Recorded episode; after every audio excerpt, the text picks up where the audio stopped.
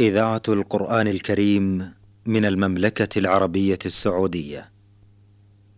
دروس في العقيدة الإسلامية.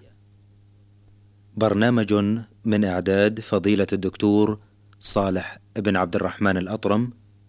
تقديم فهد بن عبد العزيز السنيدي. تنفيذ خالد بن محمد الزيد.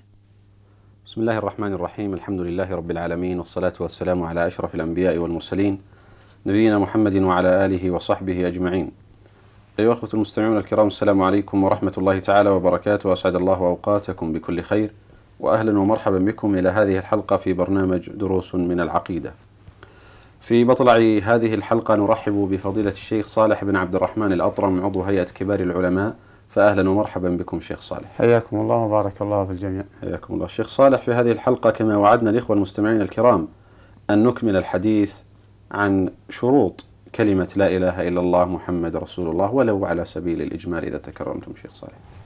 بسم الله الرحمن الرحيم. الحمد لله والصلاة والسلام على رسول الله وعلى آله وأصحابه ومن اهتدى بهداه. شروط معنى لا إله إلا الله.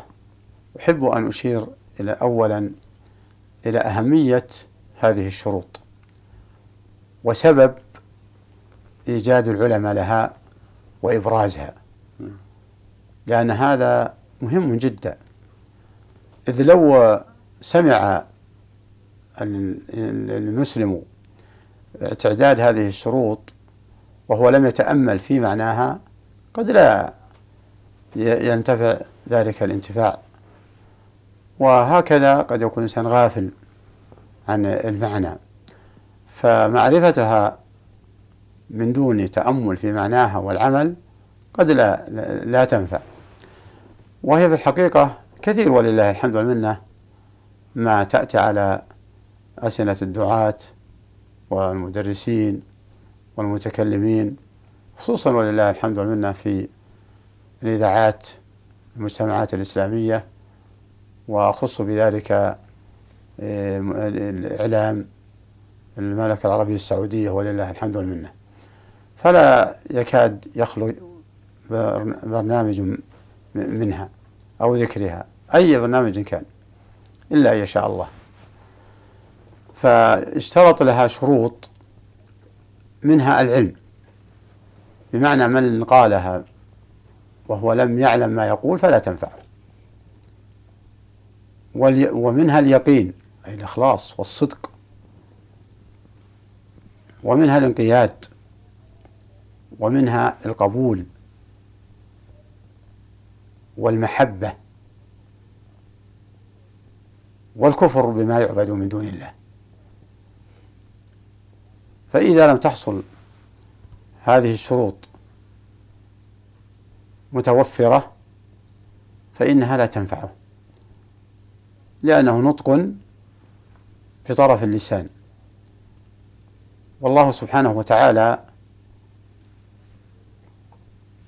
يريد من المسلم الإخلاص فيكون ما في قلبه موافق لما نطق به لسانه.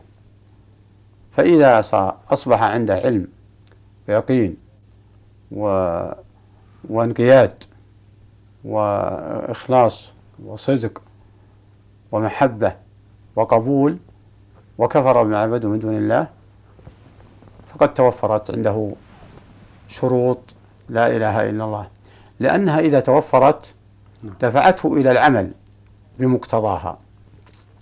فإذا لم يكن عنده علم معناه جهل ما تقتضيه. لم يكن عنده انقياد معناه لم تنفعه. ليس عنده إخلاص فمعناه نطق باللسان ولم يكن عنده إخلاص. إذا لم يصدق فمعناه كاذب. نعم. إذا لم يكن عنده قبول ولكن قالها تخلص من أمر أو من آخر فمعناه ما, ما, ما نفعته. إذا قالها وهو كاره لها أو كاره لمقتضاها فمعناه ما عنده محبة فلم تنفعه. فهي شروط واضحة. قالها ولكنه لم يكن ما يعبد من دون الله. فلربما يقولها وهو يرضى عمن عبد غير الله أو صرف عبادة لغير الله فمعناه لم يكفر بذلك. فلا بد من هذه الشروط. هذه خلاصة الشروط وخلاصة سبب اشتراط هذه الشروط والذي أصيبه الإخوة أن يتأملوا في معناها. ولماذا أكدت على التأمل في معناها؟ لأن الذي يعرفونها كثرة ولله الحمد. لكننا بحاجة إلى تأمل في هذه المعنى المعاني. والعمل بالمقتضى. نعم. بدليل قوله صلى الله عليه وسلم من قال لا إله إلا الله وكفر بما يعبد من دون الله حرم ماله ودمه. فدل على أن من قال لا إله إلا الله ولم يكفر بما يعبد من دون الله فإنها لا تنفعه. نعم. وهكذا يقول الله تعالى ومن أسر ما يتخذ من دون الله أندادا يحبونهم كحب الله. فالكفار يحبون الله. لكن يحبون أندادهم كمحبة الله فلم تنفعهم. نعم. فلم تنفعهم محبة الله. فمقتضى المحبة لها إخلاص العبادة لله. وهكذا الأدلة الكثيرة التي تنهى عن عبادة غير الله واتخاذ الأرباب من دون الله. نعم. اتخذوا أحبارهم ورهبانهم من دون الله. إلى أن قال وما أمروا إلى أن قال تعالى وما أمروا إلا ليعبدوا إلها واحد لا إله إلا هو. فدل على أن اتخاذ الأرباب من دون الله أن أنها أنهم يقولون لا إله إلا الله لكن لم تنفعهم وقوله تعالى وإذ قال إبراهيم لأبيه وقومه إنني براء مما تعبدون إلا الذي فطرني. فدل على أنه من أحب الله وأحب معه معبودا غيره لم تنفعه محبة الله ولم تنفعه عبادة الله. وإذا انقاد لحكم الله ولكن انقاد أيضا لحكم الطواغيت فإنه لم ينفعه. ما دام انقاد لحكم الطواغيت فلا بد من أن يوحد الله سبحانه وتعالى في هذه الشروط التي اشترطت للا إله إلا الله. فإذا اختل منها شرط لم يأتي بما أوجبت عليه هذه الكلمة العظيمة. نعم. عفوا شيخ بودنا أن نعيد الشروط ذكرا نعم. للإخوة المستمعين على الأخ المستمع الكريم أن يستحضرها أو على الأقل أن يكتبها معا. العلم نعم. والمحبة نعم. واليقين نعم. والصدق والإخلاص والانقياد و والقبول القبول لها. جميل. والكفر بما يعبد من دون الله. جميل جميل. والكفر بما يعبد من دون الله. جميل. وهذه كلها ما هي إلا تذكير للأخوة نعم. السامعين الذين عندهم شيء منها.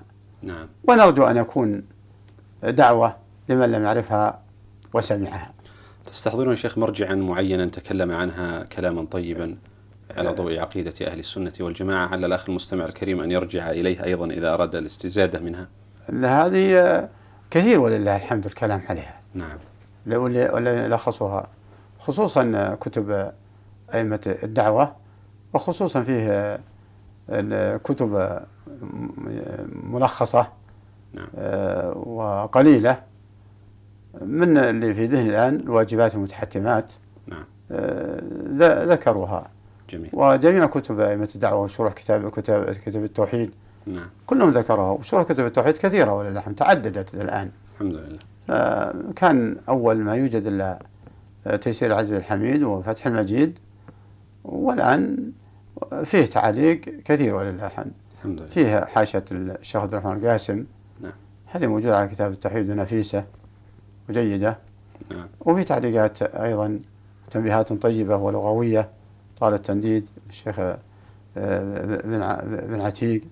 نعم. وفي أيضا بعض علماء المعاصرين كلام آه، عليه منها ما هو آه، شروح وبترتيب ومنها ما هو تعليقات من الدروس.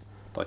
في الحاصل لو ما يأتي لو ما يحصل من الإنسان إلا أن يراجع ثلاثة الأصول محمد عبد الوهاب وكتاب التوحيد نعم. لا خرج بشيء كثير من هذه المعاني العظيمة.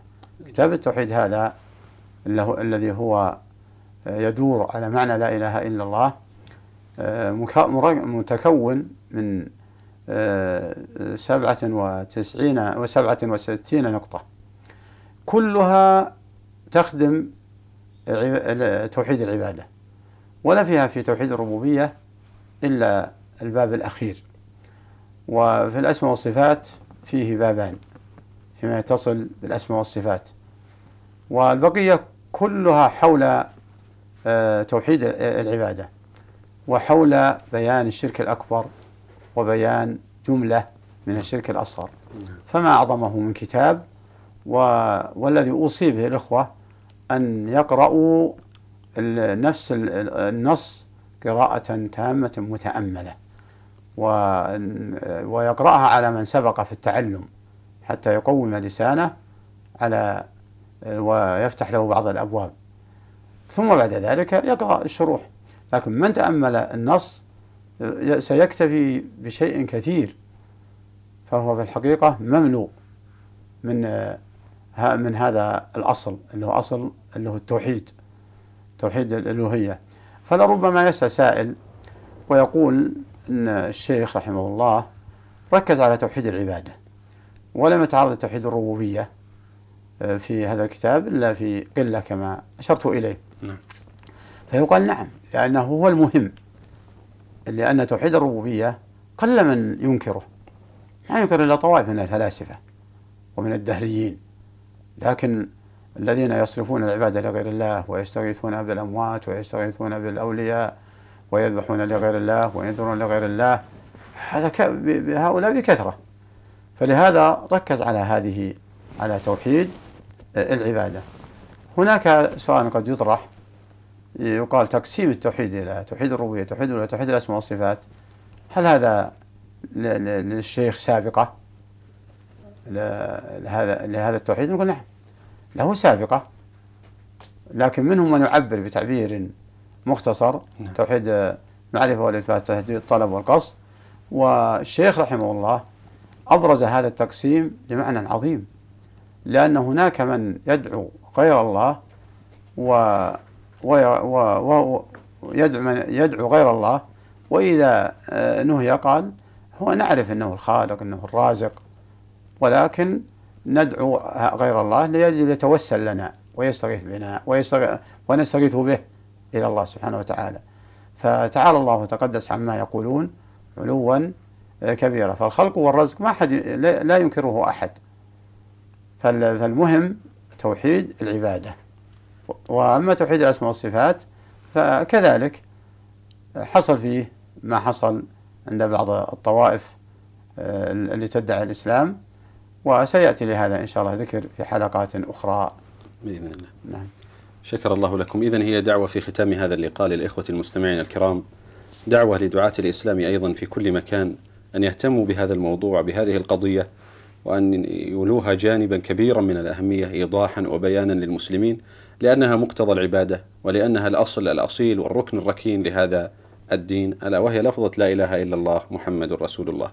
هي دعوة من خلال هذا البرنامج لدعاة الإسلام لأئمة المساجد والخطباء أن يهتموا بهذه القضية المهمة. في الختام شيخ صالح أتوجه لكم بالشكر الجزيل بعد شكر الله تعالى على هذا البيان الطيب وأتمنى أن يتجدد اللقاء وأنتم والمستمعون على خير بإذن الله تعالى. أيها المستمعون الكرام في ختام هذه الحلقة تقبلوا تحية زميلي مهندس الصوت بخيت الدوسري حتى نلقاكم في لقاء قادم بإذن الله. نستودعكم الله. السلام عليكم ورحمة الله تعالى وبركاته. دروس في العقيدة الإسلامية. برنامج من إعداد فضيلة الدكتور صالح بن عبد الرحمن الأطرم تقديم فهد بن عبد العزيز السنيدي تنفيذ خالد بن محمد الزيد.